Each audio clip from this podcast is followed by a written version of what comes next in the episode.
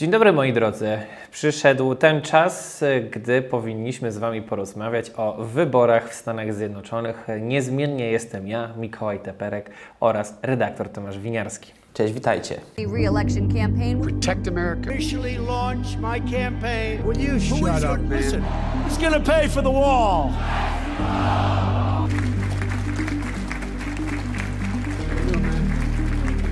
Dawno nas nie było, ale jesteśmy w nowym miejscu, w nowym studio i dzisiaj chcemy Wam przedstawić, czym są obecne wybory w Stanach Zjednoczonych 2022 rok. Śródwybory, międzywybory, międzyterminowe, Wybory połówkowe. Tak, Nazw jest bardzo dużo. Midtermy to są wybory w środku kadencji prezydenta, w tym wypadku Joe Bidena. To są wybory do kongresu. Kongres, który składa się z Izby Reprezentantów oraz z Senatu, no i do wielu innych e, takich e, lokalnych wyborów, gubernatorów i tak dalej. Dlaczego one są tak ważne? O tym dzisiaj porozmawiamy i przedstawimy Wam, jaki one mają wpływ między innymi na Polskę, ale nie tylko Polskę, nie tylko Warszawę, ale i Kijów, Riyad, e, Teheran, Moskwę i tak.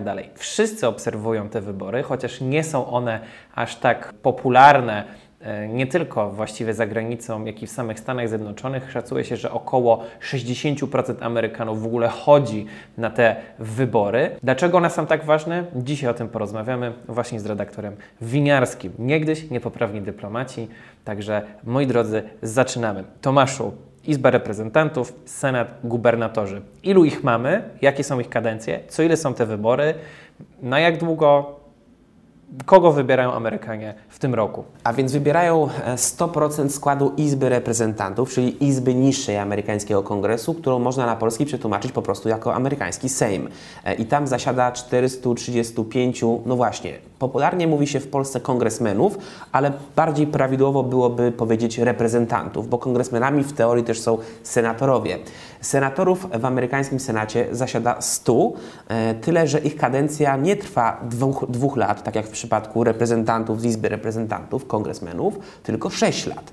W związku z tym w trakcie wyborów do kongresu, czy to tych, które odbywają się razem z wyborami prezydenckimi, czy to tych właśnie midterm elections, o których mówimy dzisiaj, wymienia się 100%, znaczy wybiera się 100% składu Izby Reprezentantów i tylko 1 trzecią składu Senatu, ponieważ senatorowie e, zasiadają w amerykańskim Senacie na okres 6 lat. Jest to najdłużej piastowany urząd federalny w Stanach Zjednoczonych, właśnie amerykańskiego e, senatora. Jak powiedziałeś na początku, na wstępie o tym, że mm, 60% Amerykanów chodzi głosować do urn wyborczych w, w midtermach e, i że one są no, istotne, to ja chciałem zwrócić uwagę na pewną ciekawą prawidłowość, szczególnie w przypadku em, komentatorów spoza Stanów Zjednoczonych i widzów spoza Ameryki, którzy trochę siłą rzeczy mniej się interesują amerykańską polityką.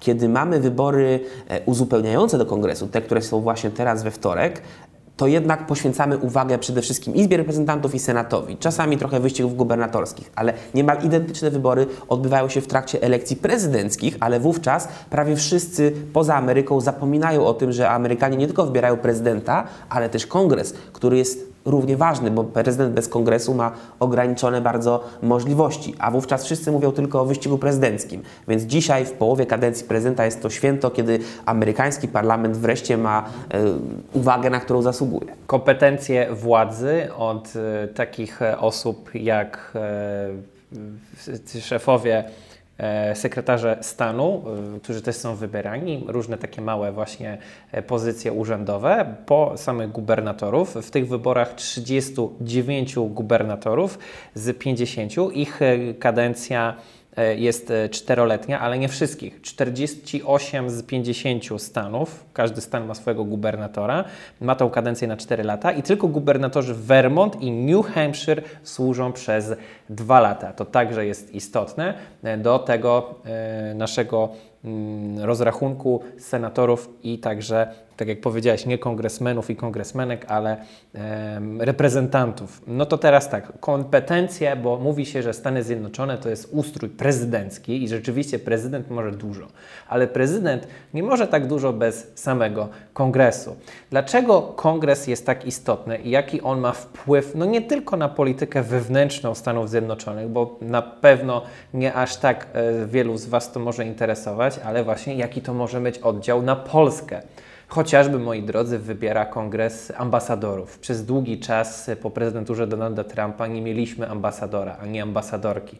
Pani Mosbacher się spakowała i wyleciała w dniu ostatnim urzędowania prezydenta Trumpa. Przez tamten czas Biggs Aliu e, był takim swego rodzaju ambasadorem, szefem misji, aż do czasu, kiedy to kongres zdecydował, że Mark Brzeziński przyleci do Polski i będzie piastował urząd ambasadora. Także budżet robi właśnie kongres i może ten budżet ucinać e, i go lawirować w różne sposoby. Także może wpłynąć generalnie na to, czy żołnierze amerykańscy w Rzeszowie stacjonują, czy oni są, jaki jest budżet na nich tak naprawdę, mogą go ograniczyć. Już słyszymy w tych wyborach e, takie głosy, że ani centa więcej na Ukrainę. Mamy wielką inflację, jak to kiedyś powiedział Reagan, gospodarka głupcze, my mamy swoje problemy, niż zajmowanie się... Clinton, Clinton. A to Clinton, dobrze. No widzisz, dlatego Ciebie tutaj zawsze zapraszam. E, Clinton, ulubiony prezydent e, Miłosza. No i także przecież mieliśmy w ostatnim czasie, ale także w historii, dużo takich kongresowych wizyt. Ostatnia taka głośna była do Armenii e, i także na Tajwan który jest sporem między samym Tajwanem i rządem Tajwanu, a Chinami. Nancy Pelosi przyleciała, spotkała się z panią prezydent Tajwanu, Tutaj są takie deklaracje, o tym mamy parę odcinków, że właśnie Stany Zjednoczone będą tej wyspy e, chronić, ochraniać, współpracować z tą wyspą, z tym krajem, niektórzy uważają. Jak Wy uważacie, to sami piszcie w komentarzach, zapraszamy Was do dyskusji. No ale gdzieś tą racją stanu rzeczywiście jest to ingerowanie, między innymi właśnie e, w ten sposób, właśnie wizyta w Armenii, wizyta gdzieś tam, ci, te delegacje kongresowe, ponieważ kongres ma dość istotną e, komisję spraw zagranicznych zagranicznych. Niegdyś przecież Bobby Kennedy, Robert Kennedy w latach 60. odwiedził Kraków, kiedy był jeszcze senatorem, ale już powoli chciał kandydować na urząd prezydenta. E, jak kreują jeszcze ci senatorowie, czy kongres właśnie tą politykę międzynarodową? Oprócz tego, że wysyłały swoje delegacje, w praktyce realnie pertraktując czy prowadząc negocjacje dyplomatyczne z krajami na przykład sojuszniczymi, do Polski też po inwazji rosyjskiej na Ukrainę przyjeżdżała delegacja zarówno senatorów, jak również e, kongresmenów z Izby Reprezentantów, e, obu, obu partii i demokratycznej i republikańskiej. E, kongres, tak jak powiedziałeś, a dokładnie Senat e, zatwierdza wskazanych przez prezydenta mm, kandydatów na objęcia e, funkcji tutaj ambasadorów placówek dyplomatycznych, ale także decyduje o mm, tym, czy amerykański żołnierz dostanie to finansowanie na przykład w trakcie mm, operacji zbrojnej. I w przypadku wojny w Iraku była taka strategia kongresu, który pewnym, na pewnym momencie pod koniec prezydentury Busha był w rękach demokratów, którzy się tej wojnie w dużej mierze sprzeciwiali i oni chcieli obciąć wojskom